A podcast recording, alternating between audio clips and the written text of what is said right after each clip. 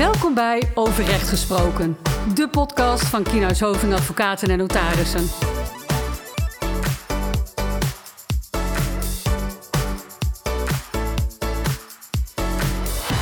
Welkom bij een nieuwe aflevering van onze podcast Overrecht Gesproken. Ditmaal gaan we het hebben over vastgoed. Uh, wij vonden dat wel tijd werd na een hoop arbeidsrecht uh, podcast die uh, ons voorgingen. Ik zit hier samen met Robert de Vries, advocaat bouwrecht. En ehm, we gaan jullie bijpraten over bepaalde aspecten van projectontwikkeling. Robert. Ja, goedemorgen Pieter. Goedemorgen.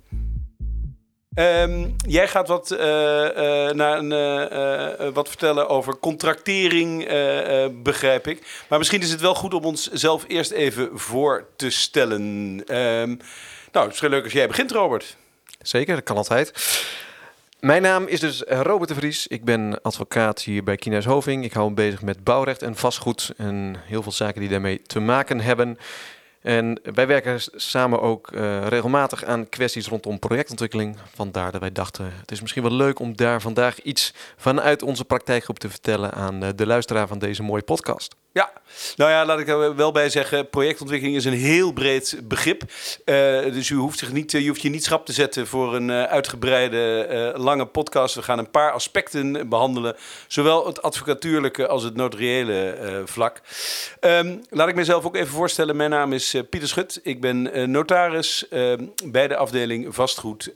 en ik werk inderdaad veel samen met Robert de Vries op het gebied van projectontwikkeling. En ehm, misschien leuk om te vertellen uh, dat uh, we hebben drie kinderen, uh, althans mijn vrouw en ik. En de oudste die vindt het al wel heel spannend dat haar vader een podcast gaat opnemen, want die luistert dat regelmatig. Dus ik heb vast ook nog een kritisch publiek. Maar goed, de lat ligt gelijk hoog. De lat ligt buitengewoon hoog, Robert. Ik hoop dat dat allemaal goed komt. Nou, daar houden wij van, toch? Hoge lat. Ja, ja. Hoe, gaan we het, hoe gaan we het inrichten, Robert? heb jij daar ideeën over? Uh, nou ja, dat lijkt me wel. Um, wat ik denk dat goed is, uh, je zei het al, het is een behoorlijk breed onderwerp, projectontwikkeling. Daar moeten we misschien een beetje wat kaders op, uh, op aanbrengen. Um, als ik dan kijk, wat, wat, wat is leuk om te bespreken? Je ziet eigenlijk de afgelopen jaren dat steeds meer partijen aan het ontwikkelen slaan. Um, en bij de ervaren partijen zien we eigenlijk ook wel dat dat ja. meestal goed gaat. Hè? Want die hebben natuurlijk ook veel ervaring. Maar juist bij die beginnende partijen leidt dat nogal eens tot problemen op verschillende ja. gebieden. En um, misschien is het dan wel aardig dat ik iets vertel over een aantal keuzes die je aan het begin zou moeten maken. Als je hebt over de wijze waarop je gaat ontwikkelen, welk contract ja. je gebruikt. En uh, nou, daarna kun jij ongetwijfeld nog wel wat vertellen over zaken als parkmanagement en splitsing in appartementsrechten, waar jij je veel mee bezighoudt. Ja, dat klopt. Dat, uh, uh, uh, laten, we dat zo, laten we dat zo doen. We zien inderdaad in de markt. Um, dat is nog iets breder uh, met uh, dat er uh, mensen die wat te besteden hebben, dat liever niet op de bankrekening laten staan met alle negatieve rente en andere dingen. beleggen op de beurs brengt ook risico's met zich mee. Woningen zijn niet meer te krijgen, dus je ziet steeds meer ook een verschuiving naar het beleggen in bedrijfsobjecten. Dus misschien leuk als we daar iets van een casus, heb jij daar een voorbeeld van, Robert? denk ik wel. Is, is het een beetje lucratief of niet? die nou, dat, dat, kan, dat kan best lucratief zijn. Um, ik heb uh, een tijdje geleden wat uh, garageboxen ontwikkeld hier in, uh, in Enschede, althans juridisch gezien. En die waren een twintigtal, meen ik, wat grotere dan normale garageboxen. Dus, dus waar je echt ook een camper en zo in kwijt kan. En ik dacht nog, hoe, hoe raak je dat kwijt? Nou, dat was niet het grootste probleem, want opslagruimte is er, is er tekort. En zelfs een belegger die een heel aantal van die boxen kocht waarvan ik nog dacht, ik ben benieuwd of je dat ooit verhuurd krijgt. Die heeft daar toch een prachtig rendement uh, uit en uh, er is een wachtlijst uh, voor huurders. Uh, Sajan detail is dat ik er zelf eigenlijk ook wel één uiteindelijk had willen kopen voor onze vouwwagen en, en nog een oude auto die ik heb. Ik heb dat toen niet gedaan en daar heb ik eigenlijk best wel spijt van, Robert.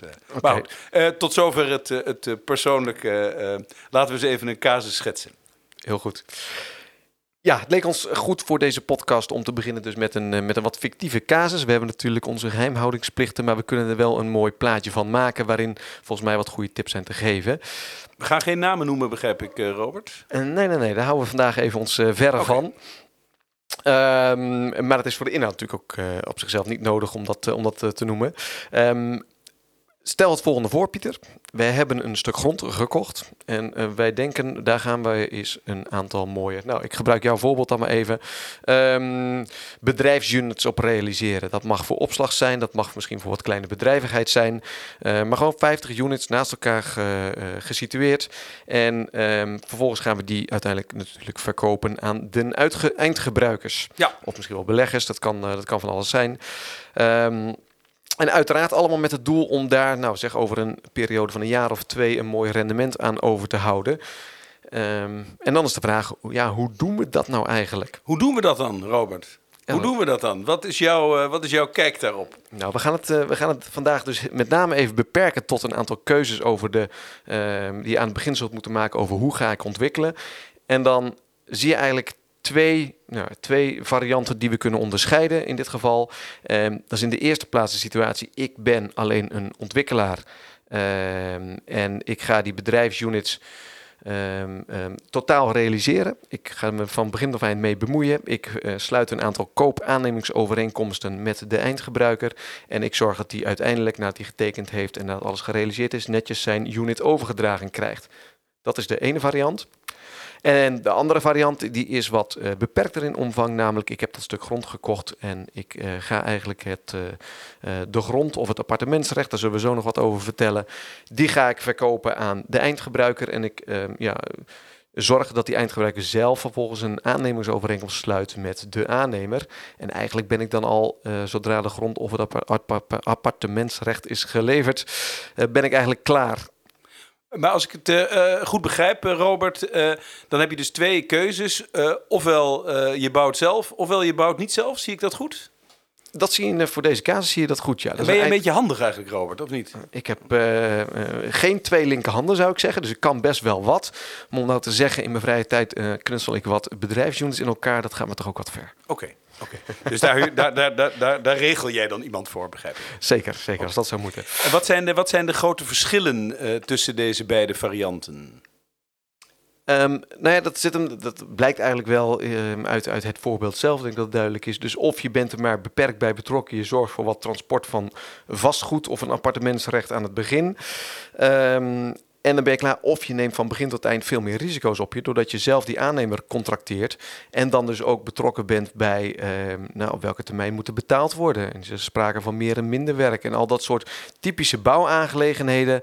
Eh, waar je dan iets van uh, zult moeten vinden.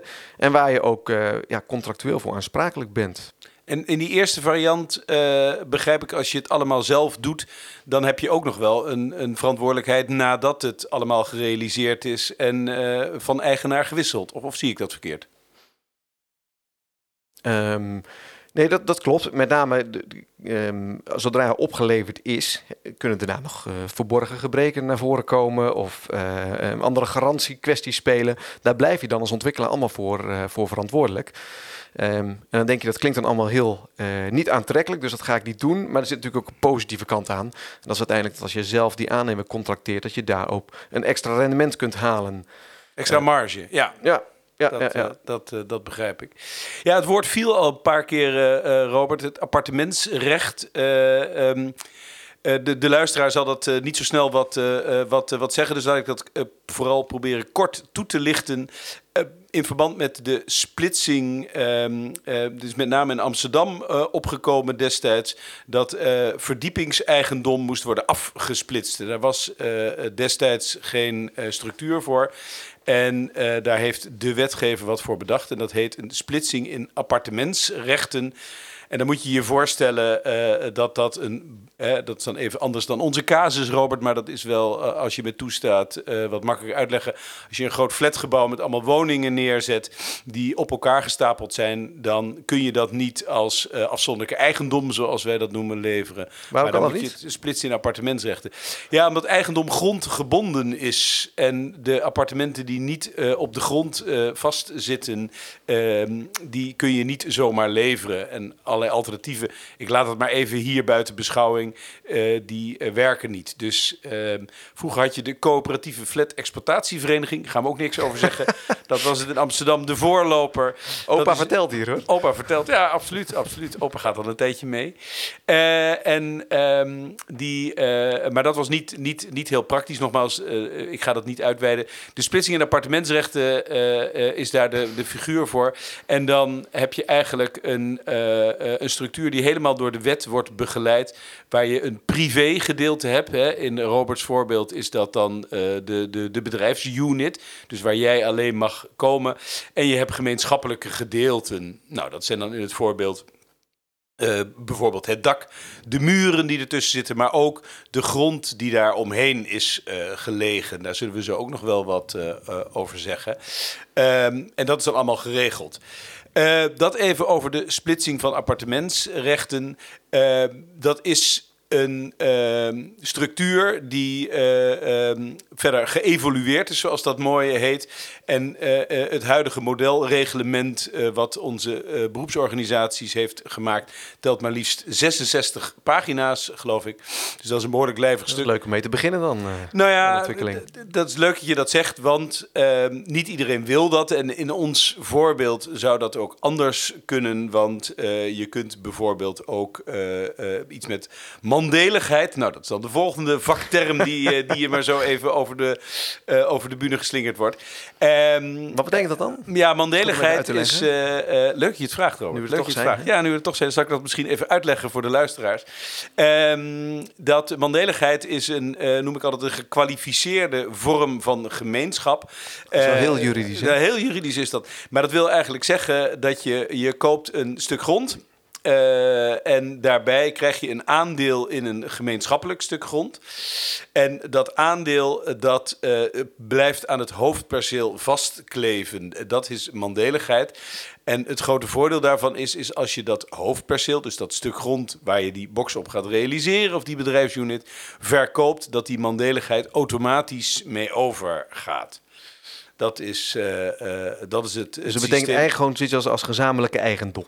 Dat is, dat is eigenlijk gezamenlijke eigendom. Alleen gezamenlijke eigendom die vastgekleefd zit aan wat wij noemen een hoofdperceel. Dus dat is die bedrijfsunit. Ja.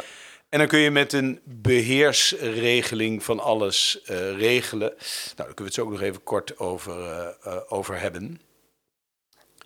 Ja, dat is grofweg het, het, het, het notariële. Misschien moeten we zo nog wat hebben over parkmanagement. Ja, we hebben een heleboel onderwerpen waar we het over kunnen hebben. Maar tegelijkertijd moeten we het ook eh, eh, klein houden. Ja, hè? dat blijft altijd lastig. Blijft altijd lastig. We willen zo graag, hè? Ja. Nou, misschien is het goed om ehm, eerst nog even terug te gaan naar die, eh, naar die keuze die je aan het begin moet maken van welke overeenkomst eh, sluit ik. En ehm, dan iets kort te zeggen over, over het parkmanagement eh, element. Ehm, want dan heb je in ieder geval een beetje een beeld hoe zo'n projectontwikkeling eruit ziet. Een aantal keuzes die je moet maken als, eh, als ontwikkelaar. Ehm, als ik dan even de, het voorbeeld neem van ik ben die partij die dus niet alleen de, de grond of het appartementsrecht levert, maar ook wat meer betrokken wil blijven. Want ik heb zelf een heel mooi idee voor ontwikkeling. Ik weet hoe dat pand eruit moet komen te zien. Ik laten een mooie eh, folder maken met mooie tekeningen van eh, dit koopt u uiteindelijk. Nou, dan ben ik dus eigenlijk van begin tot eind ben ik bij dit project betrokken. Ehm, ik zet dat ook in de markt. En dan, waar moet je dan op letten als ik dan zo'n eh, overeenkomst ook wil aanbieden aan deze eindgebruikers? Nou, dat zijn een aantal ehm, eh, elementen die dan, die dan van belang zijn. Eh, bijvoorbeeld, nou natuurlijk, ehm, wat ga ik nu eigenlijk bouwen? Hoe ziet het gebouw eruit? Eh, waar komt het te staan? Ehm, wat moet de prijs zijn? Nou, dat lukt meestal eh, nog wel aardig, daar ben je vrij snel overheen. Maar als we dan ehm, kijken naar de overeenkomst, moet je natuurlijk ook nadenken, ja, wanneer moet het nou eigenlijk opgeleverd worden? Daarover moet je afspraken maken met de eindgebruiker, want die wil ook weten, wanneer krijg ik nou mijn unit? En als je daarover eh, afspraken moet maken met die eindgebruiker, betekent het ook dat je over afspraken moet maken met je aannemer. Dus daar moet je goed in de gaten houden. Hoe lang hebben we nodig om het te bouwen? Eh, en bouw ik nog het extra marge in, mocht dat tegenzitten, dat ik in ieder geval op tijd ben eh, met, met de levering aan de eindgebruiker. Nou, daarnaast heb je wij goed over na moet denken is bijvoorbeeld de, financiën natuurlijk en de termijnen. Ehm, kan ik, wil ik een deel voorfinancieren als ontwikkelaar of niet? Of ga ik pas, ehm, moet ik eigenlijk de, de bouwsom, dus de aannemer betalen op basis van uh, de inkomsten die ik genereer en krijg van de eindgebruiker. Nou, daar moet je over nadenken. Dat brengt risico's met zich. Uh, maar ook uh, ja, de, de, financierbaarheid daarvan zelf. Kun je een lening afsluiten of heb misschien zelf wat centjes in de zak zitten die je hiervoor kunt gebruiken. Allemaal keuzes die je zult moeten maken en uiteindelijk goed moet vastleggen in de overeenkomst. Um, nou dan heb je natuurlijk, eh, juist omdat je tussen eigenlijk de aannemer en de eindgebruiker in zit, uh, kun je bedenken dat je iets met garanties moet. Hè. Hoe lang garandeer ik dat uh, dit gebouw zal kunnen functioneren? Um, bij elke bouw gaan wel wat dingetjes fout natuurlijk. Nou, hoe gaan we daarmee om? En kan de koper daarvoor bij mij aankloppen? En als dat het geval is, kan ik daarvoor dan ook weer bij mijn aannemer in, aankloppen? Of blijf ik zelf met een aantal risico's zitten, wat op zichzelf ongewenst is? Als, als ik het dan goed begrijp, moet je dat die, de, maakt dan twee contracten eh, jij sluit een contract met de aannemer en jij sluit een contract met wat jij zo mooi noemt de eindgebruiker. En die contracten moeten dan precies exact gelijkluidend zijn? Hoe stel ik me dat voor? Nou, dat is een goede vraag. Um, nou, die hoeven niet gelijkluidend te zijn. Wat ze wel moeten zijn, is uh, aansluitend op elkaar. Eh, okay. althans, dat heeft sterk de voorkeur, want dan voorkom je dat jij, als, er een, als iets niet goed zou gaan, eigenlijk tussen wal en een schip invalt, doordat nou, de koper jou uh, misschien vraagt: hey, dit gaat niet goed. Ik wil dat jij als mijn contractuele partij ervoor zorgt dat dit alsnog in orde wordt gemaakt, maar jij vervolgens niet bij je aannemer uh, daar met diezelfde klacht terechtkomt, terwijl het uiteindelijk de aannemer is die die fout heeft gemaakt. Dus daarvoor zul je heel zorgvuldig moeten kijken, sluiten die twee uh, contracten, dus de koop-aannemingsovereenkomst met de eindgebruiker aan de ene kant en de aannemingsovereenkomst die jij zelf sluit met de aannemer, sluiten die goed op elkaar aan. Nou ja, even, even dan een praktijkvoorbeeld, hè, wat ik net al had uh, bekend dat wij een, een vouwwagen hebben. Stel dat het mij lukt om zo'n bedrijfsunit te kopen en Ehm, eh, ik heb die koopaannemings gesloten, overeenkomst gesloten. Uh, dat gebouw is gerealiseerd. Dus ik, ik kan mijn spullen daarin installen. En ik, ik kom daar aan terug van een zonnige vakantie of iets dergelijks. En de garagedeur, de roldeur gaat niet open. begrijp ik het dan goed dat ik alleen jou kan aanspreken als, als ontwikkelaar? Ik kan niet rechtstreeks naar die aannemer bellen en zeggen: joh, de roldeur gaat niet open, om, om maar even wat te noemen. Uitgangspunt is inderdaad, je kunt uh, bij mij als ontwikkelaar terecht. Ik ben jouw contractuele wederpartij. Je hebt geen contract gesloten met de aannemer, dus jij komt bij mij terecht. En ik zal er dan als ontwikkelaar wat van, uh, van moeten vinden. Um, en misschien klopt het inderdaad, die deur is niet goed. Um, en dat zal betekenen dat ik verantwoordelijk ben voor het herstel daarvan. En dan ga ik natuurlijk op mijn beurt naar de aannemer toe. En ik zal hem eens uh, ja, vertellen dat hier een fout is gemaakt. Um, maar of die aannemer thuis geeft wel of niet, um, dat moet ik me afwachten. Maar dat doet niet af aan dat ik verplicht ben ten opzichte van die eindgebruiker om wel te zorgen dat die roldeur weer in orde wordt gemaakt. Ja, dat, uh, en dus, dus ja, dat noem jij wat, uh, wat je net zo mooi zei, het aansluiten van de contracten op elkaar. Dat, Precies. Uh, ja. Dat gaat in de praktijk gewoon vaak, va vaak fout. Er wordt wat te luchtig over gedacht. En je ziet dan dat heel veel gebruik wordt gemaakt van modellen. Hè. En iemand heeft dan wel een model liggen of kent wel een bekende die zoiets een keer aan de hand heeft gehad. Dus nou, dan plukken we daar een model van. En dan zie je vaak dat die twee overeenkomsten niet goed op elkaar aansluiten. En dan uiteindelijk die ontwikkelaar met zo'n mooi voorgenomen plan met een mooi rendement. Ehm, dat rendement toch flink naar beneden moet bijstellen, omdat hij ergens tussen die twee partijen in komt te zitten met, uh, ja, met, met financiële schade. Ja, ja, eh, dat, uh, over modellen, dat is wij in het notariaat werken natuurlijk graag modelmatig. Hè? Die zal ik zelf ook maar even inkoppen voordat jij dat, uh, voordat jij dat doet. dat, ehm, dus ik, dat, dat, kan ik helemaal, dat kan ik helemaal volgen.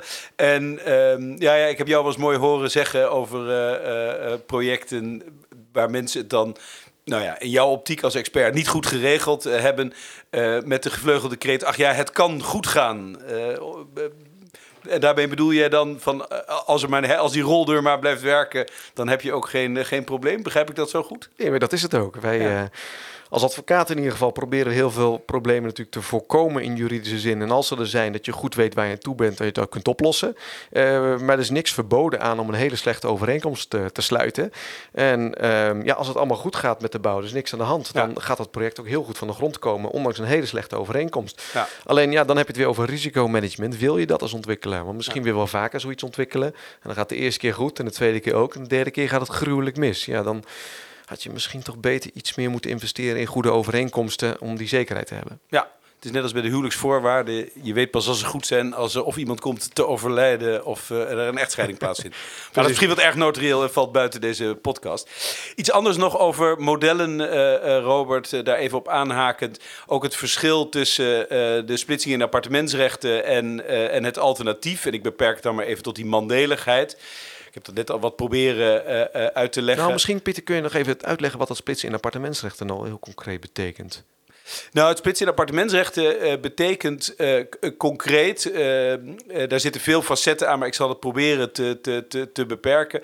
Ehm, maar dat betekent concreet dat je van, zoals het heet, grondgebonden, hè, de meeste luisteraars zullen een huis hebben en zo'n huis is grondgebonden, gaat naar um, iets wat op papier gesplitst wordt. En dan noemen wij dat een privégedeelte. En een privégedeelte is eigenlijk niks anders dan een exclusief gebruiksrecht wat je wat je krijgt. En dat is wel exclusief uh, uh, voor jou, uh, uiteraard. Maar dat is min of meer, moet je het zo zien, losgekoppeld van de, uh, van de grond. Dat, dat, is, dat is één groot verschil met het alternatief, de mandeligheid. Dan heb je in principe een kavel, koop je dan. En daar staat jouw unit op, maar die zit wel vast aan andere units, uh, want het is natuurlijk datzelfde gebouw, uh, uh, als je er gewoon praktisch naar kijkt, of in de praktijk moet ik zeggen, naar kijkt. Dat is, um, dat is wel het, het, het, grootste verschil. En dat merk je in de praktijk dat bijvoorbeeld bij die splitsing in appartementsrechten er allemaal regelingen voor zijn. Ik noem even een voorbeeld. Je hebt een gebouw met allemaal bedrijfsunits.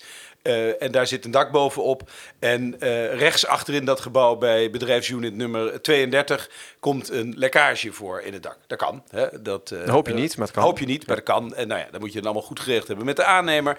Maar stel dat die aansprakelijkheden, of je nou als eindgebruiker de, de, de ontwikkelaar aanspreekt of, of rechtstreeks de bouwer in het tweede voorbeeld van, van, van Roberts casus, dan hè, op een gegeven moment is het, zijn die garanties uitgevoerd en dan moet je het zelf betalen. En dan is de vraag, van wie is het dak? Nou ja, in het en van wie is het? Nou ja, dat is, dat is dus verschillend. Want als je uh, splitst in appartementsrechten, is het dak gemeenschappelijk, dus van iedereen. En als je het uh, verkavelt uh, en met mandeligheid regelt en daar verder niks bij regelt, dan is in principe jouw gedeelte van het dak uh, jouw gedeelte van het dak. Dus in, in het voorbeeld van die lekkage als het gesplitst in een appartementsrecht betaalt iedereen mee aan het verhelpen van de lekkage. En als je niks geregeld hebt met mandeligheid, betaal jij het zelf als uh, eigenaar van dat lekkende dak. Oké, okay, dus je zegt eigenlijk of je mandeligheid hebt of splitsing in appartementsrechten, dat zorgt ervoor dat geregeld is hoe we omgaan met beschadigingen aan, nou ja, een dak, een buitengevel, wat dan ook in ieder geval een deel wat dan gemeenschappelijk is of juist niet. Ja, nou ja, dat is, dat is een voorbeeld. Uh, in de structuur van de splitsing in appartementsrechten is heel veel geregeld. Want daar heb je een vereniging van eigenaars. Daar is iedereen die uh, zo'n appartement heeft verplicht lid van. Een appartement is dus ook een unit. Ja, ja, dat is hetzelfde. Het is, uh, dat is ook het, het, het lastig om het uit te leggen. alleen voor woningen, zeg maar. Nee, het geldt zeker niet alleen voor woningen. Ook voor bedrijfsunits kan je dat doen. En als je het gebouw ziet in de praktijk, dan zie je natuurlijk niet of het gesplitst is in appartementsrechten uh, uh, of die alternatieve vorm van, van mandeligheid en, en, en de eigen unit. Um, maar juridisch gezien is dat, een, uh, is dat wel een groot verschil. Maar even terugkomend op die vereniging van eigenaars. Die heeft wel een, uh, uh, ook een handhavende bevoegdheid met allerlei regelingen. Dat als jij bijvoorbeeld dat lekkende dak niet wil laten maken, dat de vereniging dat namens jou kan doen. En de kosten dan ook betaald worden door de vereniging van eigenaars. En als jij bijvoorbeeld uh, een spandoek aan jouw gevel hangt, wat anderen niet willen, dan kun je in de splitsingsakte opnemen dat dat niet mag. En dan kan de vereniging ook weer zorgen dat dat verwijderd wordt. Aha, dus best wel een grote bevoegdheid voor een vereniging van ja, eigenaars. Ja, ja dat, is, dat is ook wel het grote. Uh, is dat een voordeel of een nadeel? Ja, dat, de, de, de, die handhavende bevoegdheid is echt wel een voordeel in het parkmanagement, waar we het net over hadden. Omdat je dan veel meer mogelijkheden hebt om te zorgen dat een gebouw er ook echt mooi blijft uitzien en het terrein daar omheen uh, onderhouden blijft als er wat groenvoorziening is. Dus dat is, echt wel, dat is echt wel een voordeel. En waarom zou ik nou als ontwikkelaar dan voor het een of het ander kiezen? Als je dat gewoon eens kort moet samenvatten. Nou, dat, dat is eigenlijk heel kort samen te vatten. Twee dingen. Ehm, ten eerste wordt commercieel de, de splitsing in appartementsrechten gezien als iets wat in de weg zit. Omdat het, term die eerder gevallen is, niet grondgebonden is en daardoor minder goed verkoopt. Uh, je kunt je in deze markt nauwelijks voorstellen, uh, maar dat is, uh, dat is wel zo. En ehm, het, tweede, het tweede is dat uh, uh, je bij die uh, mandeligheid veel meer dingen zelf moet regelen die in de splitsing van appartementsrechten al geregeld zijn. Bijvoorbeeld als je parkeerplaatsen maakt, wie mag waar parkeren. maar ook groenvoorziening, andere zaken, dat kun je allemaal, de beheerregeling zal ik maar zeggen, kun je allemaal in de splitsing regelen.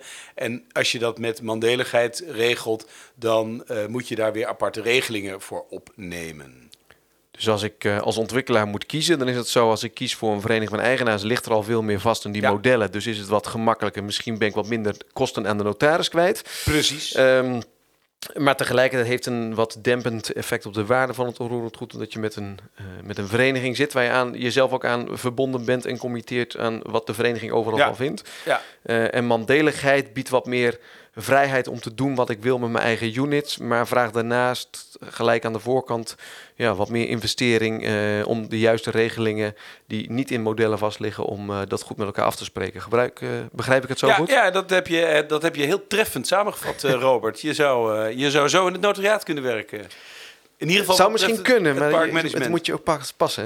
Hè? Ja, nee, dat is zo, dat is zo, dat is zo. Ach, het uh, verschilt ook niet, uh, niet zoveel. Ja, we, we, kunnen natuurlijk nog heel veel uh, verder vertellen, maar dan wordt het een, een, een, college over, over appartementsrecht. Moeten we niet gaan doen, denk ik. Nee, moeten we niet gaan doen. Ik, ik denk dat we... Tenzij daar behoefte is, dan nou ja, ontvangen we graag een mailtje of een ja, ja, bericht van de luisteraar. Maar... Wij, wij horen graag reviews over onze, onze eerste podcast. En, en we doen dat... toch ook maar wat, of niet? We, nou ja, het is natuurlijk wel gebaseerd op enige kennis en ervaring, Robert. Dus het is niet zomaar wat doen. maar het is wel de eerste keer dat we het samen doen, zal ik maar zeggen, uh, in deze vorm van een podcast. Maar misschien is het ook wel leuk uh, uh, als um, vraag aan de luisteraars of die geïnteresseerd zijn in, in, in, in een diepergaande podcast over het deel van Robert contracten of het deel van parkmanagement. want dan kunnen we dat natuurlijk verzorgen. Daar wordt het wel technischer van. Maar dat kan, uh, dat kan is wel. misschien wel leuk. En we proberen ook weer een leuke draai aan te geven, toch? Als, het, uh, als daar behoefte aan zou zijn. Als daar behoefte aan zou zijn, dan proberen Precies. we daar een draai Gaan aan te kijken. geven. Zullen we dan uh, zo langzamerhand aan het einde, naar het einde gaan van onze eerste podcast voor deze reeks? Ja, dat, dat is misschien wel een goed idee. Goed. Dat, wat, wat denk jij dat we de luisteraar nu hebben kunnen meegeven als je hier zo uh, dit even het afgelopen, nou wat is het, klein half uurtje samenvat? Ja, ik, uh, ik denk dat het erg veel informatie is uh, en toch wel wat technischer dan ik had, dan ik had gehoopt. Dus dat is één ding. Maar kijk, als ik, als ik jouw verhaal zou moeten samenvatten, dan heb je eigenlijk... Misschien wel goed, ja. Gaan we elkaar verhaal even samenvatten. Ja, we gelijk of van elkaar goed begrijpen. ja, precies. Dat is wel goed. dat is wel een goed idee. Um, als ik jouw verhaal samenvat, je hebt eigenlijk twee, twee structuren. Uh, de, de, de bouwende ontwikkelaar, dat is uh, de, de, de, de, jouw eerste voorbeeld. Je, je gaat zelf met de eindgebruiker de verantwoordelijkheid aan en uh, jij laat het in eigen beheer bouwen. En dat heeft als voordeel dat je wat meer rendement hebt, dat het wat meer oplevert. maar als nadeel dat je langer en meer aansprakelijkheden hebt. En dus is die contractvorming en de aansluiting daarop belangrijker. En de tweede is, daar hebben we het eigenlijk niet zo heel erg over gehad, dat je het stuk grond uh, gewoon koopt en uh, doorverkoopt en de eindgebruiker rechtstreeks met de aannemer laat contracteren. Dan is die contractering ook belangrijk, maar val je er, ja, even uh, simpel gezegd, sneller tussenuit. Is dat een beetje zo goed samengevat? Een goede samenvatting is. Ik zou zeggen, dan, dat laatste voorbeeld is het misschien wat sneller cashen, om het oneerbiedig te zeggen. Uh, maar uiteraard is dan ook, moet je marge volledig uit de verkoop van de grond komen. Dus uh, ja, ik denk dat het een belangrijk verschil is. Nou, nou ben ik wel heel benieuwd naar jouw samenvatting, Robert. Dat lijkt me nog niet makkelijk als ik het alvast even de lat hoog mag leggen. Heel, heel graag. Uh, nee, is niet makkelijk, maar we gaan een poging doen. Ik denk dat de kern van jouw verhaal toch is dat uh, je eigenlijk twee keuzes kunt maken. Of je splitst iets in appartementsrechten, waardoor we ja, deze units eigenlijk uh, um, in een groot deel gezamenlijk eigendom worden en je alleen een privégedeelte hebt uh, waar je alleen gebruik van mag maken. Maar bijvoorbeeld de daken, de gevels, parkeerplaatsen en groenonderhoud allemaal via een vereniging van eigenaars loopt. Um, en het alternatief is om iets te, door middel van mandeligheid te regelen, waarmee je waarmee je meer het eigendom houdt van jouw eigen unit. Maar daarnaast vergt dat, als ik het goed heb begrepen, een hoop uh, extra geregeld ten opzichte van juist al die uh, gezamenlijkheden van het totale gebouw. Um, waarvoor ook dus aan de voorkant wat meer geïnvesteerd zou moeten om die regeling ja. goed vast te leggen ten opzichte van ja. de splitsing in appartementsrechten. Nou, dat heb je, dat heb je heel goed uh, samengevat. Ja. Uh, kan het de toets der kritiek van het, de heer Schut doorstaan? Uiteraard, uiteraard. En bij dat laatste nog even het, het commerciële aspect uh, van, van de mandeligheid. Want anders dan lijkt het van, nou ja, u kunt het maar beter splitsen in appartementsrechten. Ehm, want dat is een mooie, een mooie structuur. Maar het commerciële moet je echt niet uit het oog verliezen. Iets moet natuurlijk uiteindelijk ook wel verkoopbaar zijn en, en blijven. Robert, ik denk dat we het hierbij moeten laten. We hebben een hoop informatie uh, gespuit, als ik het zo mag zeggen. Ik vond het wel, nou ja, wat ik vond het leuk. Zei, ik vond het leuk. Ik vond het ook wel spannend om te doen. Ik vind het ook wel spannend. Ik ben heel benieuwd wat mijn oudste dochter ervan vindt. Maar dat, uh, dat, uh, daar zullen we de luisteraars Daar ben ik ook heel benieuwd naar. Nou, of juist wel. Ik ga de volgende keer een terugkoppeling geven. Dan kan ze misschien wat inspreken. Ja, ja, ja dat, dat kan ook nog. Dank voor het, voor het, voor het luisteren aan, aan, aan alle, alle luisteraars. Als jullie ideeën of vragen hebben, mail ons. Het podcast.kienhuishoving.nl. Laat vooral een, uh, een review achter en uh, abonneert u zich uh, op, de, op de podcast. Robert, dankjewel. Pieter, ook bedankt. Ik moet ook van uh, de organisatie zeker even wijzen naar onze Instagram, overrecht gesproken, want daar uh, doen we ook een heleboel op. En uh, nou, ik vond het hartstikke gezellig en nou, wie weet tot een volgende keer. Dat lijkt me wel. Goed zo. Bedankt. Hoi. Hoi. Dit was Overrecht Gesproken, de podcast van Kienhuis Hoving. Heb je vragen of wil je meer informatie? Stuur dan een e-mail naar podcast.kienhuishoving.nl Wil je niets missen? Abonneer je dan op onze podcast via jouw favoriete podcast-app.